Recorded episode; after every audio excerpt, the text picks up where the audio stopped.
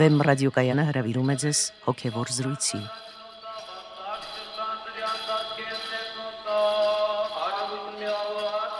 Սիրելի ունկնդիրներ, Վեմ ռադիոկայանի եթերում են արժանապատիվ Տեր Մեսրոպ Կահանա Արամյանը եւ Արա Սարգսակյան Նալչաջյանը։ Այսօրվա մեր զրույցը 9 Երանիներից 8-րդի մասին է։ Օրհնեցեք Տեր հայր։ Աստված օրհնի։ Տեր հայր 8-րդ Երանին հետեւյալն է. Երանի նրանց, ովքեր հալածվում են արդարության համար, քանզի նրանցն է երկնքի արքայությունը։ Ինչ է այս արդարության համար հալածանքը եւ ինչու է Քրիստոս Երանի տալիս արդարության համար հալածվողներին։ Ժամանակին մեր թղթակիցն այս հարցն ուղղել էր մարդկանց եւ ահա թե ինչ պատասխաններ էին նրանք տվել։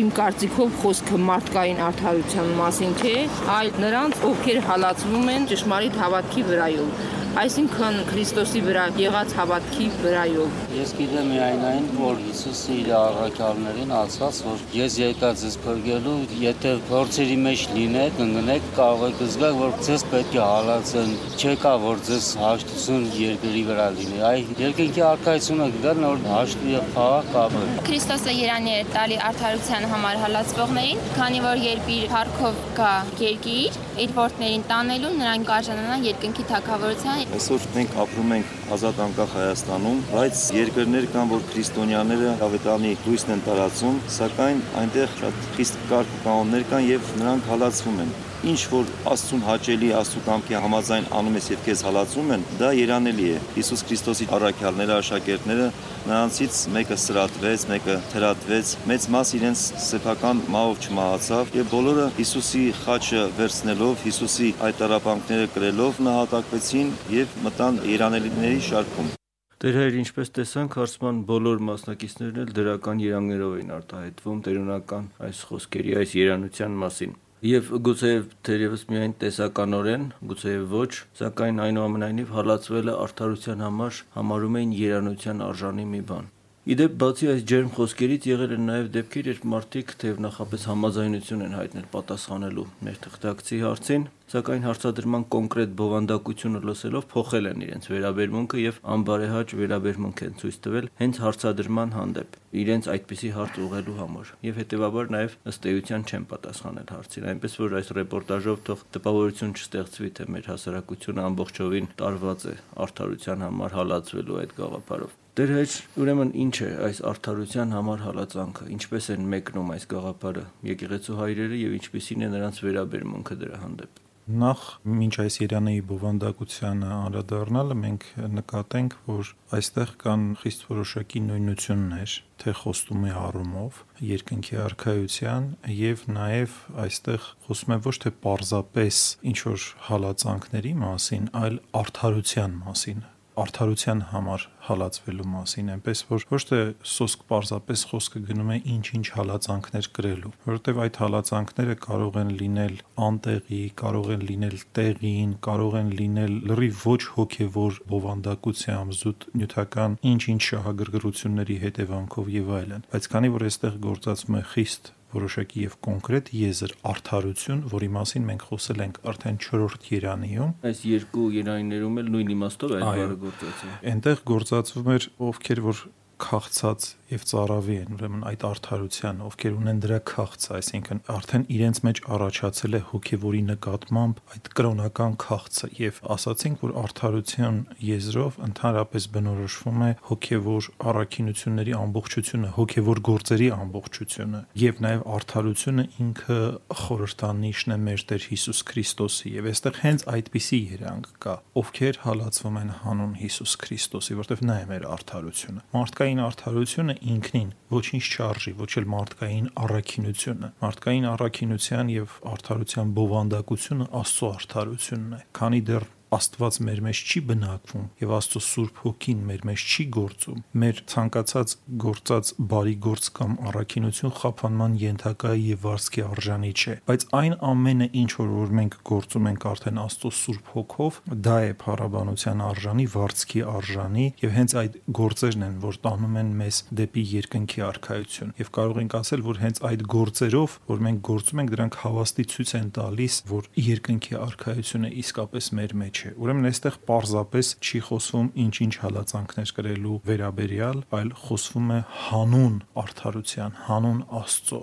Եվ սա բնական է, որովհետև այդպես հալածվեց ինքը մեր Տերը, մարդու որդին եկավ, դարձավ մեր նման մարդ եւ չարչարանքների մատնվեց, խաչվեց, սոսկալի չարչարանքներ կրեց մեր փրկության համար։ Նաև մեզ ասաց, որ եթե դուք ուզում եք գնալ այդ փրկության ճանապարհով, ուզում եք ժառանգել երկնքի արքայությունը, պետք է նման լինեք ինձ։ Իսկ ինչպես պետք է մենք նմանվենք Աստծո որդուն։ Ինչով պետք է նմանվենք նախ եւ առաջ չարչարանակից լինելով նրան։ Եթե չարչարանակից լինենք, ապա նաեւ նրա հարությանը կցորդ կլինենք, կմտնենք նրա հարուցյալ կյանքի մեջ։ Այս ամենը ծիսականորեն բովանդակված է Սուրբ Մկրտության արարողության մեջ։ Մենք ասում ենք, որ մենք խորհրդականորեն մեռնում ենք Քրիստոսի հետ եւ հարություն առնում։ Եվ նաեւ ինչ որ առումով մկրտության խորհուրդը դա մեր հավատքի խորհուրդն է,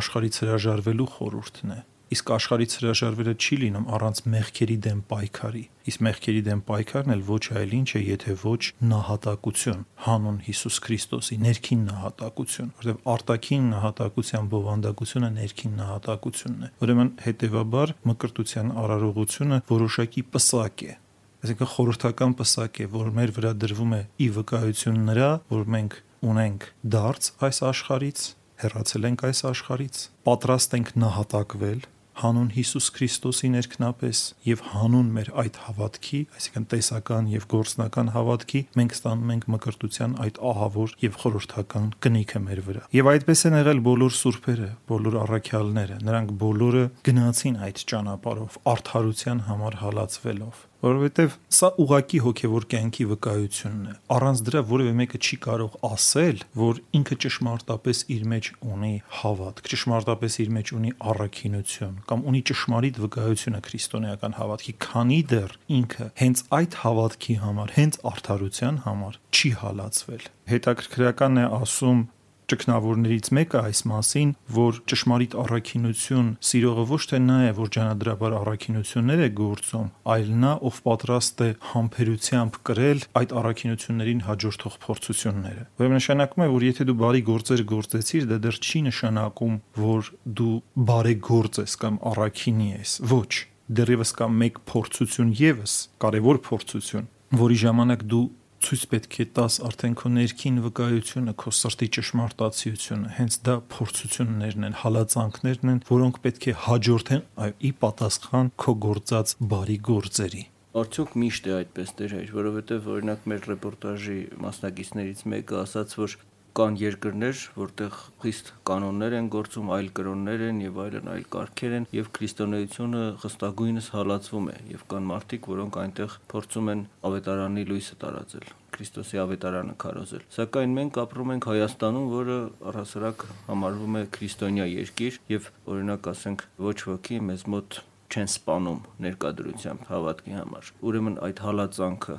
այլևս ինչպես է արտահայտվում կամ միգուցե մեզ մոտ չկա հալածանք արդարության համար բայց ով ասեց որ հալածանքը միայն սպանելն է սպանելուց ավելի վատ բաներ կան որոնք տեղի են ունենում կյանքում եւ մարդը անասելի հոգեվոր հալածանքների ենթարկվում հետո պետք չէ մենք տարապենք այն խապկանքով որ մենք քրիստոնյա երկրում ենք ապրում մեր վարքը, բարքը, մեր կյանքը, մեր հասարակական օրինաչափությունները եւ այլն դեռևս շատ հեռու են քրիստոնեությունից։ Սա պոստսովետական տարածք է բավականին հարուստ սովետական, սոցիալիստական, կոմունիստական ավանդություններով եւ շատ պինդ գրկել ենք մենք այդ ավանդությունները ու չենք ուզում բաց թողնել։ Կարծես թե մենք դրանից առաջ ոչ պատմություն ենք ունեցել, ոչ էլ արժեքային համակարգ ենք ունեցել։ Մի քիչ խոսում ենք այդ անցյալի արժեքների մասին եւ այլն ասում ենք, այ մենք ունեցել ենք sense քրիստոնեական լավ կլիներ որ ունենայինք, բայց հենց բանը հասնում է գործի, հենց որ ասում ես դե եկեք ունենանք, Այսպես մեջտեղ մարդ չկա։ Նորից են հին սովետական վարկու բարքերին են կարճած նույն բաներին։ Իդեպ այսօր մարտի 8-ն է, որը սովետական այդ տոնական համակարգի ուղղակի ամենացայտուն ցուցանիշներից մեկը։ Այդտենց էլ բաց չթողեցինք մենք այդ բանը։ Պինդ գրկեցինք դրանից։ Դա միայն պոստսովետական որոշ երկրների տարածքում է տոն, որոշ հանրապետություններում ընդհանրապես այդ տոնը հանեցին, բայց մենք պինդ պահեցինք դա այնպես որ եկեք չխոսենք այն մասին, որ մենք քրիստոնյա երկիր ենք, ուզում ենք դառնալ եւ դեռ ժամանակը պետք է ցույց տա որքան է մեր ցանկությունը անկեղծ որ մենք շարժվում ենք դեպի այդ քրիստոնեական արժեքները բայց անհատական պլանի վրա սա ոչ մի կապ չունի թե դու ինչպիսի երկրում ես ապրում Նույնիսկ ասենք, իսկապես դա քրիստոնյա երկիր է թե ոչ, որովհետև քրիստոնյա երկրի մեջ էլ դու կարող ես հալածվել, որովհետև Քրիստոսի արդարությունը, Քրիստոսի ճշմարտությունը մի բան է, որը այս աշխարհի մեջ չի տեղավորվում։ Այս աշխարհինը չէ։ Ի վերջո, ովքեր խաչեցին Հիսուս Քրիստոսին ովքեր մարդիկ ովքեր Աստծո օրենքը ունեին եւ պետք է որ պահեին եւ որոնց որ Տերը ինքն էր բժշկել, չէ՞ այդպիսի մեծամեծ հրաշագործություններ էր կատարել այդ նույն ժողովուրդը ուղիղ 1 շաբաթ առաջ մեծ ցնծությամբ ընդունեց երբ որ Տերը մտավ Երուսաղեմ չէ ծաղկազարդին բայց այդ ովսանաներով եւ այլն բայց հետո խաչեցին այդպիսին է ճշմարտությունը որովհետեւ աստծո ճշմարտությունը այս աշխարից չէ եւ ինքը չի կարող բովանդակվել այս աշխարհի չակերտավոր ճշմարտությունների մեջ։ Եվ հենց որ դա դառնում է ակնհայտ, հենց որ այդ հակասությունը դառնում է ակնհայտ, որ Աստծո ճշմարտությունը հակասում է այս աշխարհի ճշմարտությանը, արդեն այդ ճշմարտության կրիչները ենթարկվում են զանազան հալածանքների։ Դեր է, չէ՞ որ Աստված ինքն է ամբողջ տիեզերքի իշխանը, թակավորը, կառավարիչը։ Ինչու է Աստված թույլ տալիս, որ իր կամքը կատարող այս արդարություն գործող, այսինքն մարդկանց հալածեն որովհետև այդ փորձություններով է, որ մենք պետք է ժառանգենք երկրքի արխայությունը։ Առանց դրան հնարավոր չէ մտնել երկնքի արխայության մեջ։ Մենք պետք է հասկանանք, որ սա ոչ թե պարզապես ինչ որ զանազան դժվարին բարձրություններ են, որ մենք պետք է հաղթահարենք։ Ոչ, Աստված նույնիսկ իր միածին որդուն չխնայեց մեզ համար եւ իր միածին որդուն տվեց որպես փրկագին մեզ ազատագրելու համար մեղքի կապանքներից։ Եվ Աստված ուզում է, որ մենք մասնակցենք մեր ազատագրմանը, չարչարանակից լինելով իր որդու չարչարանքներին։ Սա շատ կարևոր պահ է։ Առանց դրա հնարավոր չէ գալ եւ հասնել ներքին ազատագրման։ Այն ամենը, ինչ որ տրվում է մեզ արտակնապես հրաշքով։ Աստված կարող է այնպես անել, որ մենք հրաշքով զերծ մնանք ամեն տեսակ փորձություններից եւ ուղակի իր պահպանական հրեշտակներով ամենևին մեզ զերծ պահի որևէ տեսակի փորձություններից։ Այդ դեպքում այդ ձերկ բերածը ինչ որ տրվում է մեզ, մերը չի լինի։ Մերը կլինի միայն այն պահին դա, երբ որ մենք դրան հասել ենք ներքին տարապանքով, փորձություններով եւ ներքին ազատագրմամբ, որտեղ ճշմարտության յուրաքանչյուր պահ մեզ համար։ Յուրաքանչյուր ձեռքբերում պետք է դառնա ներքին ազատագրման պահ։ Ներքնապես մենք պետք է ազատագրվենք, այլապես չի կատարվի այն տերունական խոսքը, որ ասում է եւ կճանաչեք ճշմարտությունը, եւ ճշմարտությունը կազատի ձեզ որ նշանակում է ազատարար է այդ ճշմարտությունը հոգևոր բարիքները ազատարար են դրանք պարզապես ինչ որ իրեր չեն որ մենք ագահաբար պետք է հավաքենք դա նշանակում է ամեն բան ձեռք բերելուց հոգևոր ամեն մի ճշմարտություն ձեռք բերելուց մեր հոգին ազատագրվում է ներքին կապանքներից սրանումն է հոգևոր կյանքի էությունը Պաստորեն այդ հոգևոր իրողությունները հոգևոր ճշմարտությունները սեփականացնելու համար Աստված կամենում է որ մենք ինքներս մեր կամքով մերժենք չարը ճիքեր որոշակի գործադրենք այո ջանքեր գործադրենք եւ այդպիսով սեփականացնենք փրկությունը մեզ համար։ Այո, եւ պետք է նաեւ մի պահ էլ նկատի ունենալ, որ մենք մի փոքր լավ չենք հասկանում այս եզրերը Ես ամեն անգամ գրեթե բոլոր երանիների մասին խոսելիս ասացի, որ հայրերը բացահայտում են այս եզրերի ներքին հոգևոր խորհրդական շերտերը, այդ ներքին իրողությունները։ Դե շատ հաճախ մեզ թվում է, թե մենք հասկանում ենք արդարությունը ինչ բան է, բայց մենք տեսնում ենք, որ այդ արդարությունը ունի տարբեր խորություններ, եւ այդ արդարության տակ հենց ինքը Աստված է։ Նույնպես էլ, երբ որ մենք խոսում ենք հալածանքների մասին, պետք չէ կարծել, որ այդ հալածանքները ինչ որ մի անպատմելի տարապանքներ են, ինչ որ անհույս մի լքված վիճակ է, երբ մարդ, այսպես ասած, արդեն թուլացած ընկած է եւ իր վրա տեղում են կարկուտի պես այդ հալածանքները։ Ոչ, այդպիսի վիճակի մասին չէ խոսքը։ Իսկ ինչպիսի վիճակի մասին է խոսքը։ Ինչ բան։ Սա նույնիսկ այ նույնիսկ ես կասեի, որ սա երանական վիճակ է, որտեվ այդ հալածանքների մեջ եկեղեցու հայրերը ասում են, որ կա մեծագույն խաղաղություն, մեծագույն երանություն դա երանական հալածանքներ են։ Այնպիսի մի երանություն եւ նույնիսկ քաղցրություն կարելի է այսպես էլ ասել, որ այս աշխարհում դու չես կարող ճաշակել։ Ուրեմն զարմանալի բան է, թվում է, որ այդ դառնությունների մեջ այլևս ելք չկա, բայց պարզվում է, որ այդ դառնության մեջ, այս աշխարհի դառնությունների մեջ, որ դու կրում ես հանուն քո հավատքի, կա մեծագույն քաղցրություն եւ մեծագույն երանական վիճակ Դեր իրանքան էլ հասկանալի չէ ձեր ասածը կոնկրետ օրինակներով կարող եք բացատրել։ Դրանք մի քիչ կոնկրետ օրինակներով բացատրել հնարավոր չէ, բայց կարելի է այսպես ասել, որ ինչքանով որ փորձությունը ավելանում է, այնքանով նաև Աստծո շնորհն է մարդու մեջ ավելանում։ Այսինքն այնքանով մարդու ներքին զորությունն է ավելանում, այնքանով մարդը լցվում է Աստծո։ Այսինքն փորձություններին զուգընթաց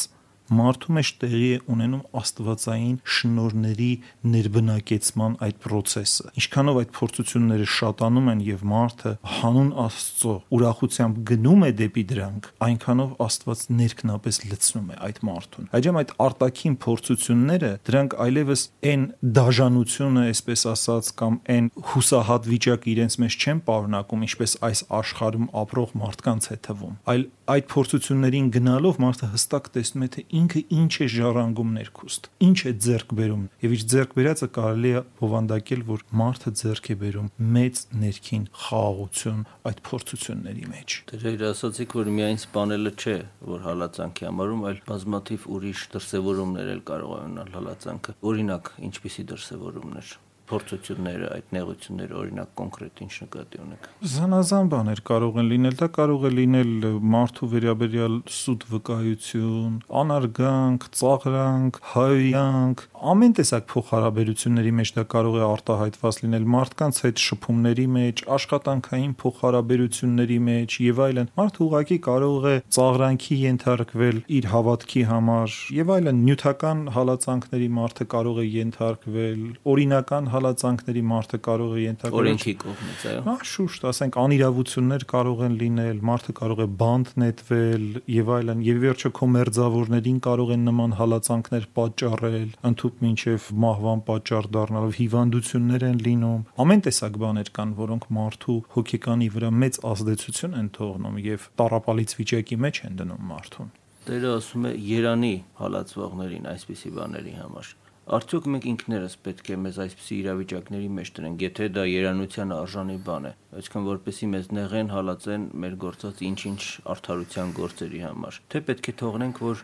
ինքնաբերաբար այդ հալածանքները գան դեպի մեզ։ Եվ առասարակ ինչպիսին է արդարության համար հալածանքի այդ մեխանիզմը եւ ինչպիսին է մեր քրիստոնյաների աստվածահաճո դիրքը նման հալածանքների ժամանակ, երբ դրանք արդեն արկա են պետք է նկատի ունենալ, որ այստեղ բավականին արդեն բարձր վիճակի մասին է խոսում եւ հոգեվոր կյանքի մեջ շատ վտանգավոր է այդպես դոնքիշոտություն անելը եւ նետվելը հանուն Աստծո հալածանքների մեջ դա մարդուն լրիվ այլ տեղ է տանելու ուրեմն ամենևին չի կարելի այսպիսի բաներ անել դա պետք է քեզ տրված լինի եւ ավելին ասեմ դրան պետք է դու արժանացած լինես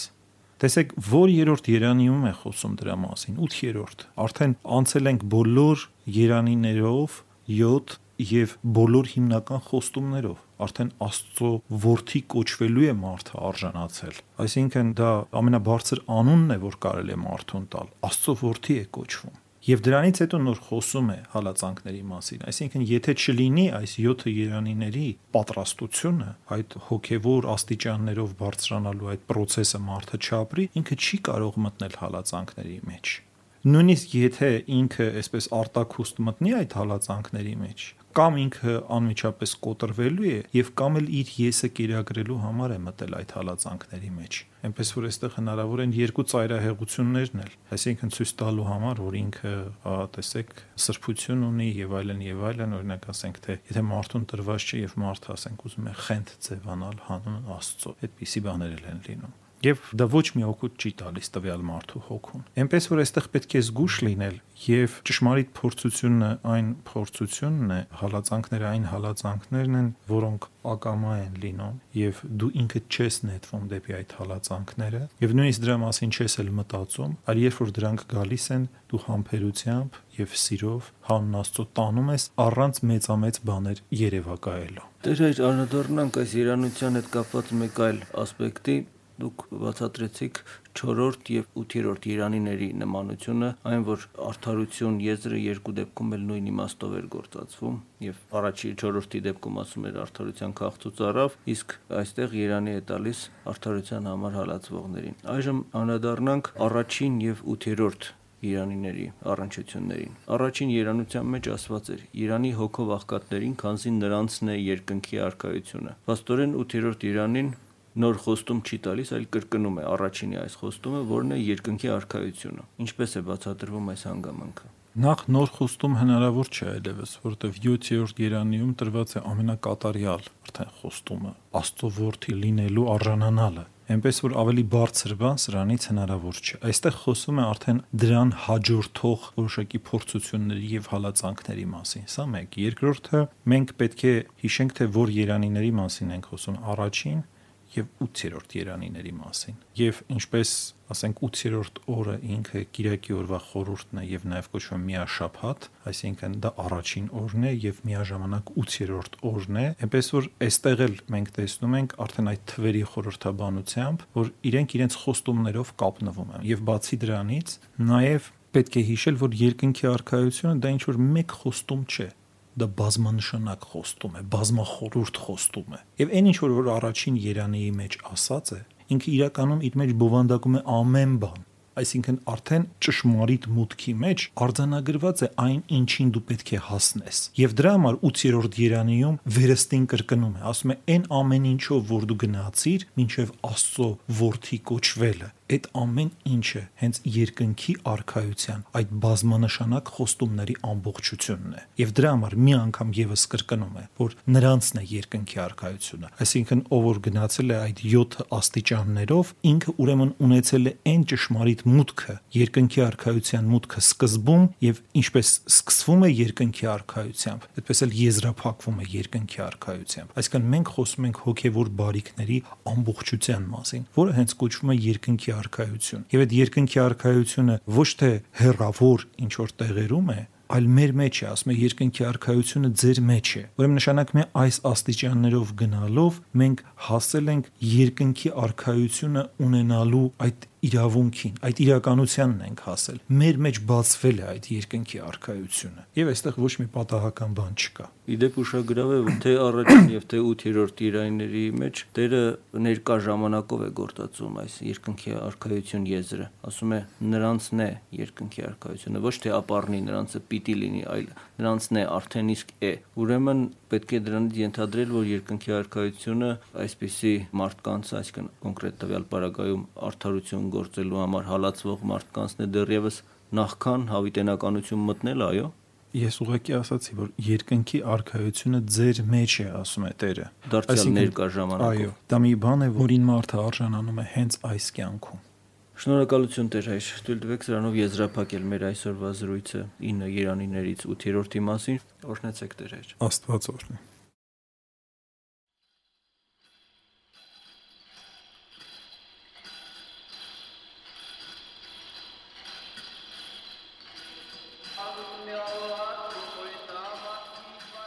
Հոգևոր զրույցներ հաղորդաշարի հերթական հաղորդումը